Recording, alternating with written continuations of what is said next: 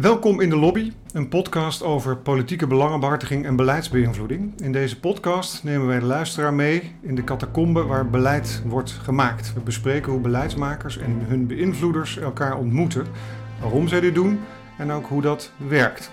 Vandaag een gesprek hierover met Marcel Hanegraaf. Hij is associate professor aan de Universiteit van Amsterdam. Marcel, van harte welkom. Ja, bedankt voor de uitnodiging.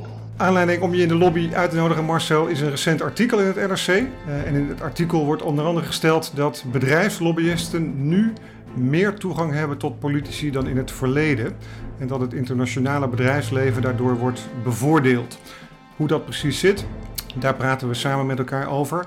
Mijn naam is Peter van Keulen en ik ben van Public Matters, een lobby- en public affairs adviesbureau in Den Haag en Brussel.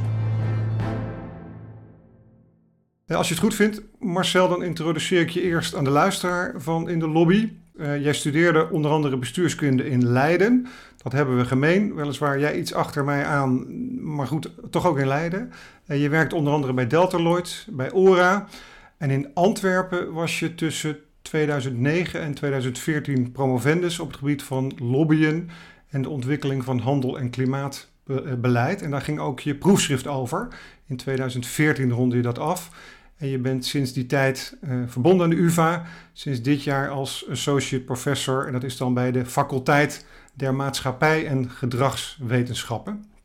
Um, voordat we dat artikel uit het NRC uitdiepen, Marcel, uh, ben ik benieuwd van jou te horen waar jouw fascinatie uh, met beleidsbeïnvloeding ligt. in mijn geval is dat te herleiden tot mijn afstudeerproject begin jaren 90. Toen studeerde ik, wat ik al zei, in Leiden. En ik studeerde af op lobbyen en kamers van koophandel. En in die tijd werkte ik ook in de Tweede Kamer. Um, en door die combi van theorie, mijn studie enerzijds, en de Kamer, uh, het praktijkwerk anderzijds, raakte ik gefascineerd in hoe beleidsmakers openstaan en luisteren naar wensen van organisaties van buiten het Binnenhof. Uh, en hoe ontzettend open dat Nederlandse beleidsvormingsproces is. Uh, en ik wilde heel graag weten hoe dat precies werkte. En die fascinatie is bij mij na 30 jaar eigenlijk niet veranderd. En ik ben benieuwd bij jou, Marcel, waar komt jouw fascinatie voor beleidsbeïnvloeding vandaan? Ja, uh, allereerst, uh, jij, jij, was er dan uh, vroeg bij, om het zo maar te zeggen. Want in die tijd was er nog niet zo heel veel Nederlands onderzoek naar, naar lobby. Hadden we nog niet zo'n zo'n groot onderzoeksveld. Ik denk dat Rinus van Schendelen natuurlijk een pionier is op dat, op dat veld. Maar verder dan dat was er niet zo heel veel. Dus Leuk dat je toen al ermee bezig was. Uh, mijn, uh, mijn fascinatie is uh, ook ge, getriggerd door een docent die ik had in, in Leiden, David Lowry. Wat is in, in het vakgebied echt een hele grote naam. Die zat toen in Leiden, is een Amerikaan. ontzettend goede docent. En um, kon ja, fascinerende verhalen vertellen over, over lobbyen en, en, en proces. weliswaar was dat natuurlijk meer gericht op Amerika, maar dat, dat triggerde me al heel erg. Um, daarna ben ik niet meteen de wetenschap ingegaan, maar heb ik ook um, nog in het bedrijfsleven dus gewerkt en bij grote bedrijven. Dus en dan, dan, dan, als je daar in zo'n omgeving ziet, dan, dan, merk je wel dat daar natuurlijk veel, uh, veel macht voor is. En ja, ik, ik kreeg toen op een gegeven moment de kans om, uh, om te gaan promoveren. En ik heb die dan toch aangegeven, want ik, ik, ja, die, die, die fascinatie van macht zat er eigenlijk al vanaf jongs aan in. Toen ik 16 was, waar andere mensen uh, nou, weet ik veel, uh, andere soorten eh, boeken lezen kocht ik in de, in de winkel, de 48 wetten van de macht. En, dat fascineerde me, dat een, boek, ja, het is, het is een heel anekdotisch boek, maar op die leeftijd vond ik dat al zo fascinerend hoe dat werkt. En dan ga je Nietzsche lezen en dan ga je allerlei... Dus alles wat met macht te maken heeft, dat heeft me eigenlijk altijd al ontzettend uh, aangegrepen. Dus toen ik die kans kreeg om daar een proefschrift over te schrijven, toen heb ik eigenlijk gedacht: oké, deze, deze kans moet ik gewoon grijpen. Ik ga, gewoon, um, ik ga er gewoon voor en ik ga, dat, uh, ga eens kijken hoe dat dan, um, nou ja, voor zover dat kan natuurlijk, hè, want het is, het is een complexe, complexe wereld. Maar ik wil dat proberen te begrijpen. Hè, en zeker in de politieke wetenschappen, zoals ik net ook al aangaf. Eigenlijk gaat het met name over partijen, over kiezersonderzoek. En ja, in mijn beleving is dat maar de helft van het uh, verhaal. En er is een ontzettend blinde vlek over ja, uh, de relatie met, um, met bedrijven, met NGO's, met vakbonden. Um, en was daar dus ook academisch gezien een, een, een gat te vullen. Um, en heb ik me daarop ingedoken. En die fascinatie delen we. Ik keek op de website. Het heeft bij jou tot een enorme productie geleid. Ik zag bijna 50 publicaties staan bij jouw website, op de, op de website van de UvA Ja. waar, die, waar die rode draad, belangenbehartiging en het gedrag van interest groups, van belangengroepen, heel sterk in zit in de meest brede zin van het woord. Als je nou terugkijkt hè, op die 50 publicaties en meer, wat, wat is dan voor jou het meest opvallende dat je door de loop van die jaren hebt ontdekt of gepubliceerd in relatie tot lobbyen? Poeh, dat, is een, moeilijke vraag, maar ik denk een van de dingen is, um, waar ik, waar, is dat lobbyen ontzettend uh, contextgevoelig is. Hè? Dus um, als jij lobbyen wil begrijpen in de chemiesector, dat is compleet anders dan dat jij lobbyen wil begrijpen in de energiesector. En dat is weer heel anders dan in, dan in klimaat. Um, ik heb bijvoorbeeld gekeken naar lobbyen in mijn proefschrift bij, uh, op het gebied van handel en klimaat. Nou ja, je kan haast geen twee andere werelden hebben als het gaat om hoe de, de beleidsbeïnvloeding gaat, um, wat de uitkomsten zijn, wie ervan profiteren. Uh, en dat is eigenlijk heel erg gedreven door de, door de context die, um, die, de, die er is op die twee onderwerpen. Hè. Dus bijvoorbeeld voor handel, daar is amper, daar is amper aandacht voor. Hè. Dus er is heel weinig uh, verschijnt daarvan in de media. Het is, als er iets verschijnt, is het meer in, laten we zeggen, financieel dagbladachtige. Maar verder hoor je daar niet zo heel van. En dat betekent dat daar gewoon heel veel, veel meer ruimte is voor, voor het bedrijfsleven om, om een stempel op te drukken. Ook omdat het voor NGO's op dat gebied gewoon heel moeilijk is om, om overeind te blijven. Hè. Dus het is heel moeilijk om leden te motiveren daar uh, donaties aan te geven. Het is heel erg Europees tegenwoordig georganiseerd, wat het weer voor vakbonden heel lastig maakt om daar hun stempel op te drukken. Want op dat niveau zijn ze gewoon wat slechter georganiseerd. Kijk je naar klimaat, ja, dat is bijna tegenovergestelde. Hè. Dat is, dat, dat, daar is ontzettend veel aandacht voor van, van NGO's. Hè. Dat is bijna het, verdienmodel voor veel, uh, voor veel NGO's. Simpelweg omdat er gewoon heel veel steun is vanuit de maatschappij voor dit soort onderwerpen. Er is veel politieke aandacht voor. Veel ook op nationaal uh, niveau, hè, waardoor vakbonden ook nog een, een stempeltje kunnen drukken. Um, dus alleen ja, die twee casussen die, die op zich in belangrijkheid niet voor elkaar onderdoen, hè, want er zijn gigantische bedragen mee, gemoeid, het proces was compleet anders. En dat zie je eigenlijk met heel veel van dat soort onderwerpen, is dat die, die contextgevoeligheid gewoon heel, heel erg belangrijk is. Terwijl ik het juist als lobbyist meer instrumenteel en strategisch bekijk en dan juist overeenkomsten zien, dan maakt die context, ja, zeg ik oneerbiedig, want belangen zijn natuurlijk verschillend ook maatschappelijk of economisch gezien. Maar instrumenteel zit er geen of heel weinig licht tussen beide werelden. Herken je dat? Zeker, zeker, natuurlijk. Maar, um, maar misschien is dat wel niet de juiste, de juiste methode. Hè? Want ik denk juist dat je die, die context wel moet gebruiken. Hè? Dus als jij ziet dat er heel veel media-aandacht is voor een, voor een bepaald onderwerp, dan, dan weet jij gewoon dat, dat jij veel meer de media zou moeten gebruiken. Hè? Om, om iets simpels te zeggen. Maar je weet ook dat beleidsmakers gewoon iets minder bereid zijn te gaan schuiven in hun posities. Hè? Als de. Als de de schijnwerper er rechtop staat. Uh, dus wellicht, ja, ik, ik, ik, geloof, ik neem dat volledig van je aan dat dat heel vaak gebeurt. Maar mijn advies zou er juist zijn om juist wel die context heel goed in kaart te brengen en, um, uh, en, en, en, te gebruiken. Daar komt natuurlijk ook bij dat, dat ik neem, jullie zijn namelijk actief in Nederland. Hè, dus dat, dat betekent ook dat die context in Nederland heel erg uh, stabiel zet. Uh, staat. Maar als je bijvoorbeeld lobbyen gaat vergelijken tussen landen, wat ik ook heel vaak doe, ja, dan zie je daar ook enorme verschillen tussen. Hè. Of jij gaat lobbyen in Nederland of in Denemarken of in Groot-Brittannië, daar zit ook een wereld van verschil tussen in, um, in, in hoe je dat moet doen. Herken ik zeer. Ik heb zelf in Amerika gewerkt, in Washington. Uh, en we hebben een kantoor in Brussel en zijn ook redelijk actief, of behoorlijk actief uiteraard in Den Haag. Maar helemaal gelijk, dat zijn werelden van verschil. Het is een mooi bruggetje over. Ik las een van de onderzoeken uh, van dit jaar, als ik me niet fris, dat heb je gedaan. Dat heet een golden key can open any door. En daar ga je in, en, en, nogmaals corrigeer me als ik het verkeerd samenvat hoor, maar daar, daar onderzoek je de impact die financiering van interest groups met publiek geld hebben en wat dit doet voor de toegang tot beleidsmakers. En dat vond ik wel een, een boeiend onderzoek, want als ik, het, als ik de conclusies vertaal, dan zie ik daar staan dat uh, hoe meer, of als een belangengroep overheidsgeld krijgt, dat ze dan als meer legitiem worden ervaren door diezelfde overheid. Klopt dat? Ja, dat klopt inderdaad. Dus um, wat we hebben gekeken is, het is wel op Europees niveau hè, dit onderzoek uh, gedaan, maar ik denk dat dat, dat dat breder geldbaar is is dat uh, wij zien eigenlijk dat op het moment dat um, bepaalde groepen geld krijgen om een, een activiteiten te ontplooien, dan merken wij gewoon dat, dat zij vaker, of tenminste dat merken we niet, dat, is, dat blijkt uit het onderzoek, dat zij dan ook vaker worden uitgenodigd voor andersoortige eh, be, uh, beleidsbeïnvloedingen. Dus dat ze vaker worden uitgenodigd door, door, door Europarlementariërs, door, door mensen van de, van de commissie. Ehm, dus dat geeft als het ware een soort van uh, stempel van, uh, van goedkeuring. Dat die organisatie is, is een onderdeel van het, um, uh, van, van, van het systeem. Hè? Dat, wij, dat, wij dat, dat we dat kunnen vertrouwen wat daar uit dat soort organisaties komt. En dat geeft dus een ontzettend voordeel aan die organisaties als ze daarna um, zelfstandig dus toegang willen krijgen. En wat mij dan daarin opvalt is, dus organisaties die geld krijgen, belangengroepen die geld krijgen, die worden legitiemer ervaren.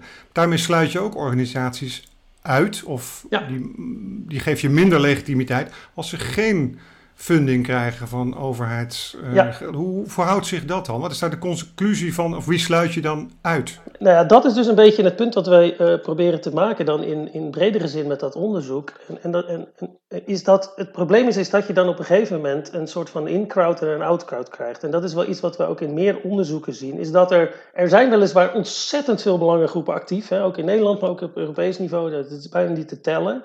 Maar als je nou gaat kijken welke organisaties nou echt een, wezenlijke bijdrage kunnen leveren aan het proces, hè, omdat zij toch regelmatig toegang hebben, omdat zij vertrouwd worden door politici, een heel belangrijk element. En uh, dat zij weten wat er speelt, uh, dat zij de technische bagage hebben, de politieke eh, bagage hebben om, om invloed uh, uit te oefenen. Ja, dan kom je op een heel klein groepje uiteindelijk maar uit. Of heel klein, relatief tot, tot het aantal mogelijke ehm, organisaties. maar het nadeel van zo'n proces is, en dat is een beetje wat ik probeer aan te geven, is dat je door het te linken aan dingen zoals financiering, is dat, je ook een, dat het systeem ook steeds, de drempel wordt eigenlijk steeds hoger voor nieuwe organisaties om binnen te komen. En dat is volgens mij niet de kant die je uit zou willen. Je wil toch een, een, een open ruimte hebben, een open forum waarin verschillende geluiden uh, hun weg vinden. Uh, ook onervaren organisaties de kans krijgen om, uh, om hun stem te laten horen. Nou, en je koopt ook, als ik het zo mag zeggen, je koopt als overheid je, je, je draagvlak. Ja, en je versterkt dat ook nog een keer door die partijen uit te nodigen. Ja, exact. Ik had een ander onderzoek, wat ik, en dat is een mooie opstap naar het NRC-artikel voordat we het daarover gaan hebben. Uh, the Rise of Corporate Lobbying in the EU, een Agenda for Future Research. Uh, daar zit in, en nogmaals weer mijn woorden, een analyse dat in de EU uh, een quote-unquote een dramatische toename is geweest van bedrijfslobby's gedurende de afgelopen tien jaar. Uh, wat, wat, voor conclusies trek je uit die, nogmaals quote-unquote, maar die dramatische toename? Wat, wat, wat ja. betekent dat uh, volgens jou? Nou, wat wij daar gekeken hebben is, um, er zijn onderzoeken die, die dit, dit, dit, was eigenlijk voor het eerst dat er over tijd een onderzoek is gedaan naar uh, de toename van, van bepaalde type groepen die lobbyen in, in Europa. Het is best lastig, ik zal er niet alle details vertellen, maar de, dat heeft te maken met de databronnen die er zijn en die in de EU niet, niet altijd even goed zijn georganiseerd. Uh, maar het is ons gelukt om een, om een uh, denk ik, een, een, hele accurate schatting te maken van hoe dat sinds, laten we zeggen, uh, eh, 2007 tot aan nu um, veranderd is. En wat we daar eigenlijk zien is, is dat uh, met name, dus het is niet alleen dat het bedrijfsleven aan zich uh, gegroeid is, hè, dat is ook het geval, maar met name de, de individuele bedrijven uh, zijn, zijn veel aanweziger dan in 2008. En dat is niet iets, um, dat is geen kleine, kleine toegang, dat is echt een, een, bijna een verdubbeling van het aantal van, van die organisaties. En dat gaat ten koste eigenlijk van dus de, de associaties, hè, dus de, de verenigingen die bedrijven vertegenwoordigen, NGO's, vakbonden, eigenlijk gaan die allemaal in de min. En het individuele bedrijfsleven, dus de bedrijven en met name de grotere bedrijven, die zien we eigenlijk um, uh, daar nu veel, veel actiever. Nou ja, daar zitten, daar zitten behoorlijk wat nadelen aan. En dat, dat blijkt ook wel uit internationaal onderzoek. Is dat, is dat als individuele bedrijven gaan lobbyen, dan is dat vaker, het in, uh, komt dat, uh, komen de, zeg maar de, de voordelen komen niet meer ten goede van een hele sector maar veel meer ten opzichte van die grote bedrijven zelf. Hè. Dus een van de belangrijke posities die uh, brancheverenigingen hebben, die koepelverenigingen hebben, is dat zij, uh, en dat lukt niet altijd, maar in ieder geval uh, in bredere zin proberen de hele sector vooruit te helpen. En ook rekening houden met kleinere organisaties en de posities daarvan. En dat doen natuurlijk grote organisaties uh, veel en veel minder. Dus dat, en, en dan zou je kunnen zeggen, oké, okay, de politiek kan daar toch die afweging zelf in maken. Maar het blijkt toch dat als er een, een overvloed is aan um, um, input van, laten we zeggen, de grotere bedrijven, dat dat ook daadwerkelijk effect heeft op de, op de, uh, de uitkomsten in het voordeel van die bedrijven. Ik hou regelmatig presentaties over mijn vak, doe ik altijd de laatste slide, over trends. En ik roep al jaren, de brancheorganisatie is failliet. Ja, oh, totdat corona kwam. Want corona heeft een enorme bindende factor geweest voor, voor sectoren. Ja. Uh, dus dat is een beetje het lot van de brancheorganisaties. Dat heeft enorm gebonden en daarmee zag je weer uh, brancheorganisaties, ja, sectoren met elkaar weer samen optrekken. Maar ik zie ook een andere trend en die, die loopt een beetje door wat er sinds vorig jaar maart, uh, sinds corona uitbrak, ook gaande is. Dat noem ik de effectiviteitsparadox. Mhm. Namelijk, er komen wel meer lobbyisten, herken ik zeer, maar die gaan elkaar op een gegeven moment, als het er zoveel zijn, een beetje voor de voeten lopen.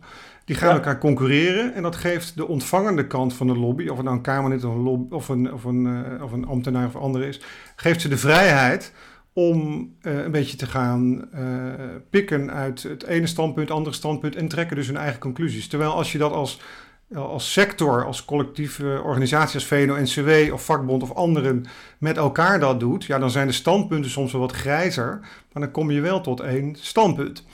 Uh, dus eh, die effectiviteitsparadox, is dat iets wat jij ook tegenkomt? Dat je, dat je ook te veel lobbyisten kunt hebben? Zeker, zeker. Ik vind het echt heel leuk dat je dit voorbeeld noemt, want um, ik, deel die, ik deel die mening um, geheel met je. Dus in, twee, ik heb zelfs in twee onderzoeken hier um, indirect onderzoek naar gedaan, naar bijvoorbeeld de klimaatconferentie, die compleet uit de, uit de klauwen was gegroeid. Hè? Dus dat, dat er veel te veel organisaties uiteindelijk effectief of aanwezig waren. Waardoor uiteindelijk bijna niemand echt daadwerkelijk uh, um, ja, toegang had tot, tot mensen die daar aanwezig waren. En het nadeel was natuurlijk daarvan, precies wat, wat jij zegt, is dat A, politici dan, ja, ze krijgen altijd wel ergens, vinden ze support voor hun, uh, voor hun punten. En kunnen dus aangeven van kijk eens, hè, we, hebben het, we hebben het breed georganiseerd uh, dit, en, en, dit zijn een beetje de standpunten die, die, die daar naar voren komen. En dan liegen ze niet. Dus dat deel ik volledig. Uh, maar tweede is ook, het, het, is, het werkt ook ontzettend um, um, problematisch voor het vertrouwen hè, onder, um, uh, uh, voor politici. Als zij, of niet voor politici, sorry, voor, voor lobbyisten en belangengroepen. Als zij op een gegeven moment het gevoel hebben dat, er A, dat ze weinig toegang kunnen krijgen omdat er gewoon te veel mensen zijn. Of B, dat eh, dat er weinig, te weinig naar geluisterd wordt, ja, dan hebben we een, eh, een groot probleem natuurlijk. Waar het weer goed voor is, denk ik zelf, maar misschien bedenk ik dan wat beroepsgedeformeerder hoor, maar het dwingt je om creatiever te zijn in je lobby-inzet. Je moet je echt onderscheiden. Je hebt geen uren de tijd meer om je boodschap te maken. Uh, dus het leidt ook in mijn vak, in mijn beeldvorming over mijn vak, tot een professionelere lobby. En dat vinden de ontvangende kant van de lobby, die, die vindt dat weer plezierig. Want het is allemaal niet zo ingewikkeld. Ze weten precies waar ze aan toe zijn, wie ze moeten bellen. Hoe zie je dat? Ja, ik daar, daar ben ik het mee eens. Um, dat denk ik absoluut dat dat het geval is. Dus ik denk niet dat de lobby daar per definitie slechter van wordt. Maar de vraag is natuurlijk wel, wie kunnen het zich veroorloven om, uh, om goed te, te professionaliseren? Wie kunnen het zich veroorloven om uh, lobbykantoren in te huren, om hen daarmee te, te assisteren? Ja, dat zijn toch niet de, de kleinere uh, organisaties en de kleinere belangen. En, en dat, dat is wat het, wat het een beetje knellend maakt. Hè? Dus ik, ik, ik zeg niet dat het per se een slechte ontwikkeling hoeft te zijn, maar het is wel iets waar je altijd ook, waar je kritisch naar moet blijven kijken, wat de effecten ervan zijn.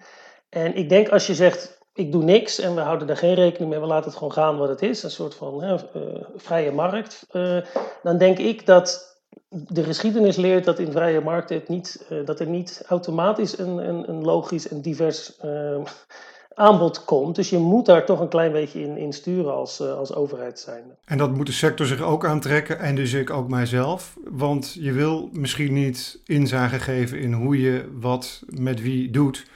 Uh, en dat maakt onderzoek natuurlijk wel makkelijker als je dat wel doet. We komen zo over transparantie te spreken. Even letterlijk de kop uit dat NRC-artikel van 8 april. Redelijk prikkelende kop, want zo gaat het met media. Daar was de kop: De lobby in Den Haag moet veel eerlijker. En daarmee werd verwezen naar lobbyende bedrijven die volgens sommigen oververtegenwoordigd zijn op en rond het Binnenhof. Uh, want daar hadden we het natuurlijk ook over. Um, je hebt er al iets over gezegd, maar dat oneerlijke, want dat suggereert die kop. Is het nu echt uh, oneerlijk en moet het inderdaad veel eerlijker? Nou, in mijn beleving wel, ja. Ik, ik, ik kijk, dezelfde trend als die ik, um, die ik weergaf voor de, voor de EU, hè, dus dat artikel wat, uh, waar we net aan, aan refereerden, dat zien we eigenlijk ook in Nederland uh, terug. Nou is het in Nederland wel lastiger, omdat we niet echt hele goede bronnen hebben om, om alles te onderzoeken. Dus we hebben gedaan met wat er, wat er is, hè, dus hoorzittingen. Ja, en daar zie je eigenlijk dat, dat is ook een bizarre, bizarre toename van het aantal individuele bedrijven dat daar wordt uh, voor uitgenodigd. Dan kun je zeggen, en, en dat vind ik terechte kritiek, absoluut, ja oké, maar wat zegt dat dan? Dat is alleen maar een, um, een, uitnodiging, ze worden gehoord, maar wil dat ook zeggen dat ze, dat ze invloed hebben? Um, nou ja, kijk, een eerlijke lobby gaat er niet alleen maar over wat het effect is. Hè? Dat, is dat is het eerste punt. Hè? Het gaat er ook over wie, hoe, wie voelt zich vertegenwoordigd. Wat zijn de geluiden die de, die de politiek um, uh, bereiken. Dat beschouw ik ook al als een, als een eerlijke lobby. Maar ten tweede, um, kijk, access is geen invloed, hè, zoals we dat uh, uh, vaak zeggen in, in ons vakgebied. Toegang is geen invloed. Maar het is natuurlijk wel een, een, een, een prettig iets als je, als je toegang hebt en de kans dat je dan invloed hebt is ook wel wat groter. Ik heb de laatste tijd heel veel, um, want ik doe nu ook onderzoek toevallig naar lobby onder coronatijd. Dus ik heb heel veel mensen gesproken, um, van, van grote tot kleine um, brancheorganisaties, ondernemingen, NGO's, vakbonden. En er zit toch wel een hele grote trend in dat de organisaties die, het, die, het, die eigenlijk vrij snel of toegang hebben gekregen tot, um, uh, tot het proces, toch er beter voor staan in hun beleving, weliswaar, maar toch.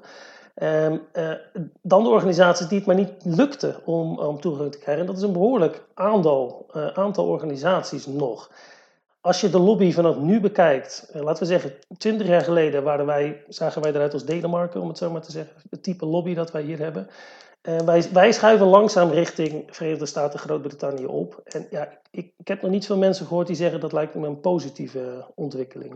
Daar, daar vinden wij elkaar helemaal, uh, Marcel. En ik heb ook een enorm, zelf een enorm vertrouwen in het systeem in Nederland dat we, dat we dat met elkaar niet gaan overkomen. Maar er moeten wel wat wat, wat uh, safety checks inbouwen. Gaan we het zo over hebben. Even jouw opmerking over die hoorzittingen. Die komt ook in het NRC-artikel terug. Um, daar constateer je dus dat bedrijven veruit de belangrijkste deelnemers zijn. Maar dan weer de stap naar uh, de invloedfactor. Misschien willen die bedrijven daar wel helemaal niet worden uitgenodigd. Er is een kloof ook tussen politiek en bedrijfsleven. Dus uh, zomaar twee argumenten om te zeggen wat betekent dan die verdubbeling in de praktijk? Gaat dat ten koste van anderen? Zijn er meer hoorzittingen geweest? Dus... Nee, kijk, maar daar, daar combineer ik eigenlijk zaken. Hè. Dus in, in de ene kant is dat een, een, bevinding, een trend die wij zien. Maar als je dan de andere kant gaat kijken naar, um, naar andere uh, onderzoeken die, die wel over invloed gaan. Hè, en, en, en, met name gaan over wat gebeurt er nou als er een, een toename is van het aantal individuele bedrijven wat gebeurt er dan met beleid? Hè? En dat is iets wat ik al eerder in het gesprek ook heb aangegeven. Kijk, ik kan het niet aantonen dat dat met die hoorzittingen één op één eh, leidt tot, tot invloed. Maar wat ik wel kan doen is, ik kan die trend kan ik weergeven. En ik kan dan vervolgens naar andere cases gaan kijken waarin we zien dat dat, dat, dat gebeurd is. Wat, wat zijn dan de effecten op beleid? En dan zien wij dat dan het beleid vaak uh, uh, meer gericht is, meer ten goede komt ook daadwerkelijk van, uh, van grote bedrijven in, in een bepaalde sector. En dat de visie gewoon vaker gericht is op de korte termijn dan ten opzichte van de, van de lange termijn. Kun je daar een voorbeeld van geven misschien? Nou, kijk naar handelsbeleid over de afgelopen twintig jaar. Hè. Dus waar in het verleden eigenlijk ehm, handelsbeleid echt nou ja, er, was, is geen enkele twijfel over dat de, de gunsten eigenlijk volledig ten, ten, ten goede kwamen van de hele sector. Hè. Dus handel was per definitie goed voor de, voor de economie en voor het bedrijfsleven. Ja, dat is niet meer, dat is niet meer per definitie zo. Hè. Dus, dus in, um, in onderzoek toont echt aan dat, dat tegenwoordig die, die gunsten ten opzichte van, het, um, uh, van handel, hè, dus het type verdragen die er worden gesloten, dat eigenlijk het, het MKB daar gewoon bijna niet meer van, uh, van kan profiteren. En dat het, het vrijwel geheel ten goede komt van, van grotere bedrijven in die sector. Hè. Dus dat is, dat, dat, en daar is ontzettend veel onderzoek naar gedaan. En een van de belangrijkste verklaringen in die, uh, in die literatuur is het feit dat individuele bedrijven dus eigenlijk um, zelf zijn gaan lobbyen. En dus eigenlijk niet meer via die associaties um, hun belangen hebben behartigd. Um, logisch ook, hè, want de, de, de, economie is natuurlijk compleet veranderd. Dus een, een, een, bedrijf dat is in zoveel landen vaak actief, en zeker grote bedrijven. En dan is het heel lastig om voor een, Nederlandse brancheorganisatie al die bedrijven op een goede manier eh, te vertegenwoordigen. Dus het, het is begrijpelijk, maar het is wel een feit en, en een gegeven waar we iets mee moeten. Uh, dus het voor mij is het eerder zoiets van: oké, we moeten hierover nadenken hoe we dit willen blijven organiseren. Even nog over die tech, hè? dat is wel grappig wat jij noemt in het artikel, NRC-artikel. Ik ga het in de show notes delen, want ik denk dat de luisteraar het ook wel even wil nalezen. Maar daar, daar werd in genoemd Facebook en Vodafone. Die, die stond, daar stond een quote bij, bij jou in en je weet nooit of het letterlijk zo is gezegd bij... Maar ik haal hem er toch even terug. Facebook en Vodafone behoren dan ook tot de ondernemingen die exceptioneel veel toegang tot bewindslieden hebben. Bedrijven met zoveel macht doen op ieder kabinet hun invloed gelden. Het is wel grappig, want zo'n artikel wordt ook gedeeld in uh, appgroepen van uh, lobbyisten of public affairs mensen. En daar hoorde ik mensen van de techsector zeggen: ja, inderdaad, we hebben heel veel met bewindspersonen gesproken. Maar dat was vooral omdat we iedere keer op het matje moesten komen. Uh, dat we weer tot de orde werden geroepen. Dus niet zo dat we een lobbygesprek gingen om beleid te wijzigen. Nee, we moesten meer ter verantwoording daar komen. Dus, en dat is ook meegeteld, denk ik, in die, die toegangstelling. Of, of vergis ik me dan? Nee, uiteraard. Wij weten niet, wij weten niet wie het initiatief nam hè, tot, dat soort, um, uh, tot dat soort uitnodigingen. Maar uh, ik, ik, ik geloof dat, die, dat, dat dat waar is, dat ze vaak ter verantwoording zijn geroepen. Maar um, als je ziet, en niet alleen in Nederland, maar ook Europees en, en, op, um, en in de Verenigde Staten. Zij horen nu wel, ze zijn geloof ik in de top 5 van de organisaties die het meest ook uitgeven aan lobbyen. En je kan mij niet wijsmaken dat dat allemaal is omdat ze steeds op het, op het matje worden geroepen. Hè. Dat is natuurlijk ook ook omdat zij uh, zelf dat initiatief nemen om, uh, om te gaan lobbyen. Het is een sector waar veel beleid wordt gemaakt en geld is geen per se. Nee. Je koopt geen macht. in Nederland minder, in Amerika wel trouwens. Daar, daar scheelt het wel, maar in Nederland gelukkig niet. Nee, en dat, moet ook niet dat, dat, zien wij ook terug. We werken voor bedrijven, brancheorganisaties, maar ook voor overheden. Ja. Bedoel, daar, daar koop je geen. Uh, maar dan nog, hè, en zelfs als het, als het waar is dat zij alleen maar op het matje zijn geroepen, wat ik al zeg, nou ja, ik geloof dat het, dat het ten dele waar is, maar het, het is niet het hele verhaal, denk ik. Maar dan nog is het, is het toch interessant dat zij wel continu eigenlijk die kans krijgen om dan hun, uh, om zich uh, te verdedigen, om het zo maar. Hè. Die luxe krijgt uh, de gemiddelde organisatie in Nederland natuurlijk niet. Hè. En dus alleen in mijn beleving is dat nog steeds een, een, een hele belangrijke vorm van, van toegang die zij, eh, die zij op dat moment geboden wordt. Die, een kans die eigenlijk andere organisaties niet krijgen. Laten we het zo nog hebben over die slag naar de toekomst inderdaad. Hoe we dat kunnen verbeteren of veranderen. Toch nog even, uh, je kunt de kranten niet op openslaan of het gaat er weer over, over de kloof. Uh, bedrijfsleven of CEO's aan de ene kant en de politiek of de maatschappij aan de andere kant als het beeld is wat in het NRC of andere artikelen dan wordt geschetst van ze hebben toegang, eh, om wat voor reden dan ook, of om wat, wat voor doel dan ook, waarom is die kloof er dan zo? Nou ja, de kloof waar mensen meestal over praten gaat over tussen burger en, um, en, en politici. Hè? Dat is natuurlijk de, de, het grootste debat wat we, wat we zien. Ja, dat, dat loopt natuurlijk niet via, via die bedrijven. CEO's zijn er echt bezorgd over. Eh, ook VNO-NCW moet daar wat aan doen. Die hebben een brugproject. Dus dat is echt een, een zorg ook. Je zei net, die bedrijven zijn misschien iets meer korter termijn en branche, bedrijf, branchevereniging misschien iets langer termijn. Juist die CEO's, of een aantal CEO's zegt VNO-NCW, doe daar wat aan. Of wij gaan als CEO meer naar politici toe.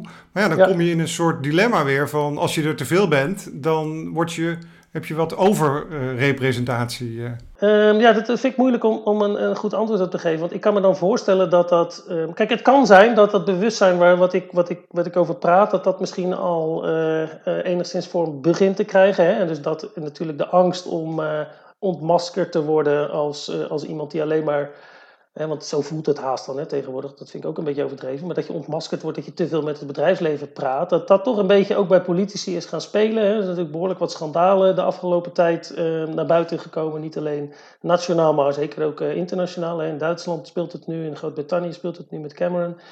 Uh, nou, Verenigde Staten al veel vaker. Um, we hebben het hier in Nederland gehad een aantal keren, wat, wat, wat, wat het toch een beetje tegenaan schuurt. Dus misschien dat politici daar toch een soort van angst uh, door hebben ontwikkeld om, um, ja, om te veel met, met, met bedrijven te praten.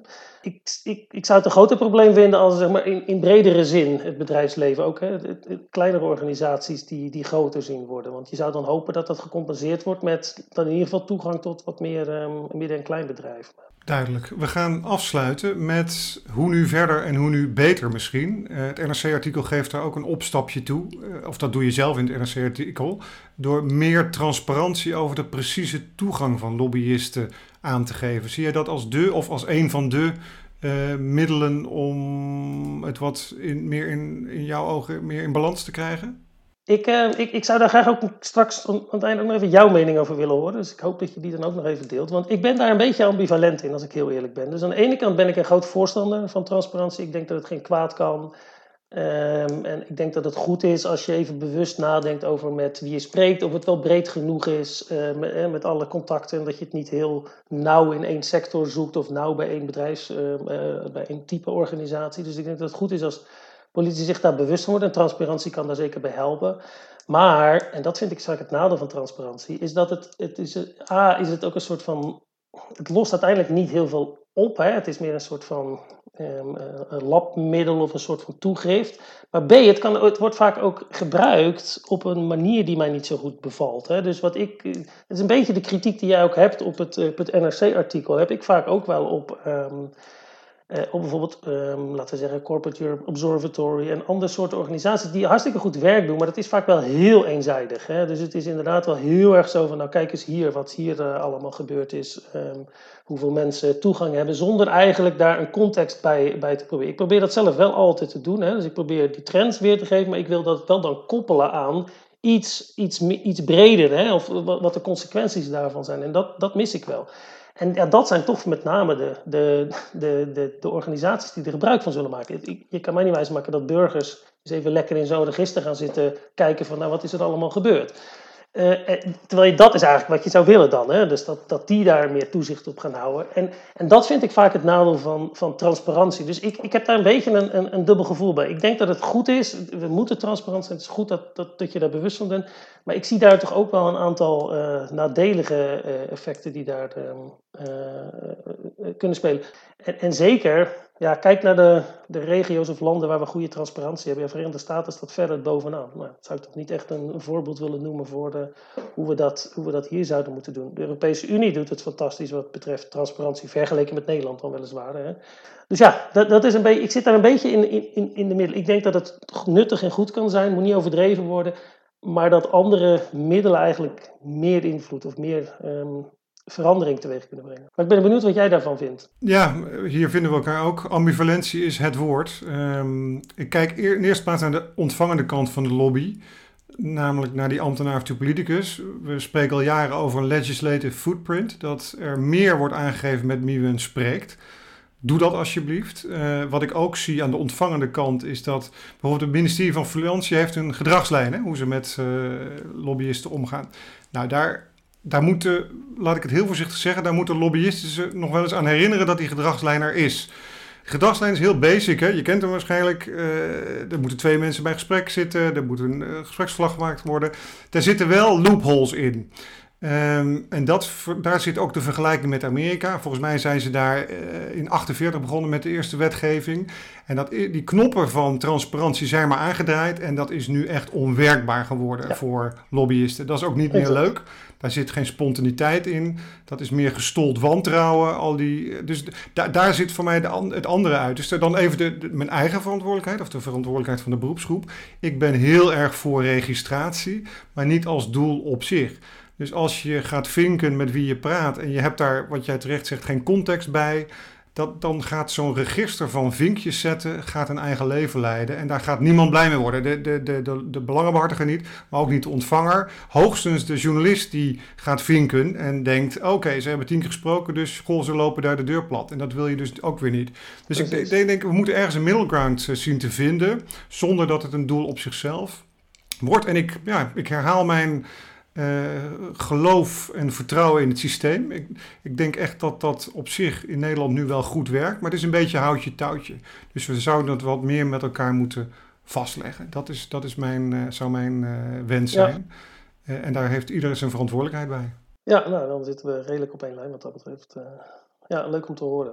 En daarmee, uh, Marcel, sluiten wij deze in de lobby af. Met jou, Marcel Hanegraaf, associate professor aan de UvA, namen wij een kijkje in de catacombe waar beleidsmakers en hun beïnvloeders elkaar ontmoeten. Ik dank Marcel voor zijn bijdrage. Zoals gezegd, het artikel uit het NRC deel ik nog in de show notes. Heb je vragen naar aanleiding van het luisteren naar deze podcast of heb je suggesties voor onderwerpen? Laat het gerust weten. Mijn naam is Peter van Keulen. Dank voor het luisteren En graag tot een volgende keer in de lobby.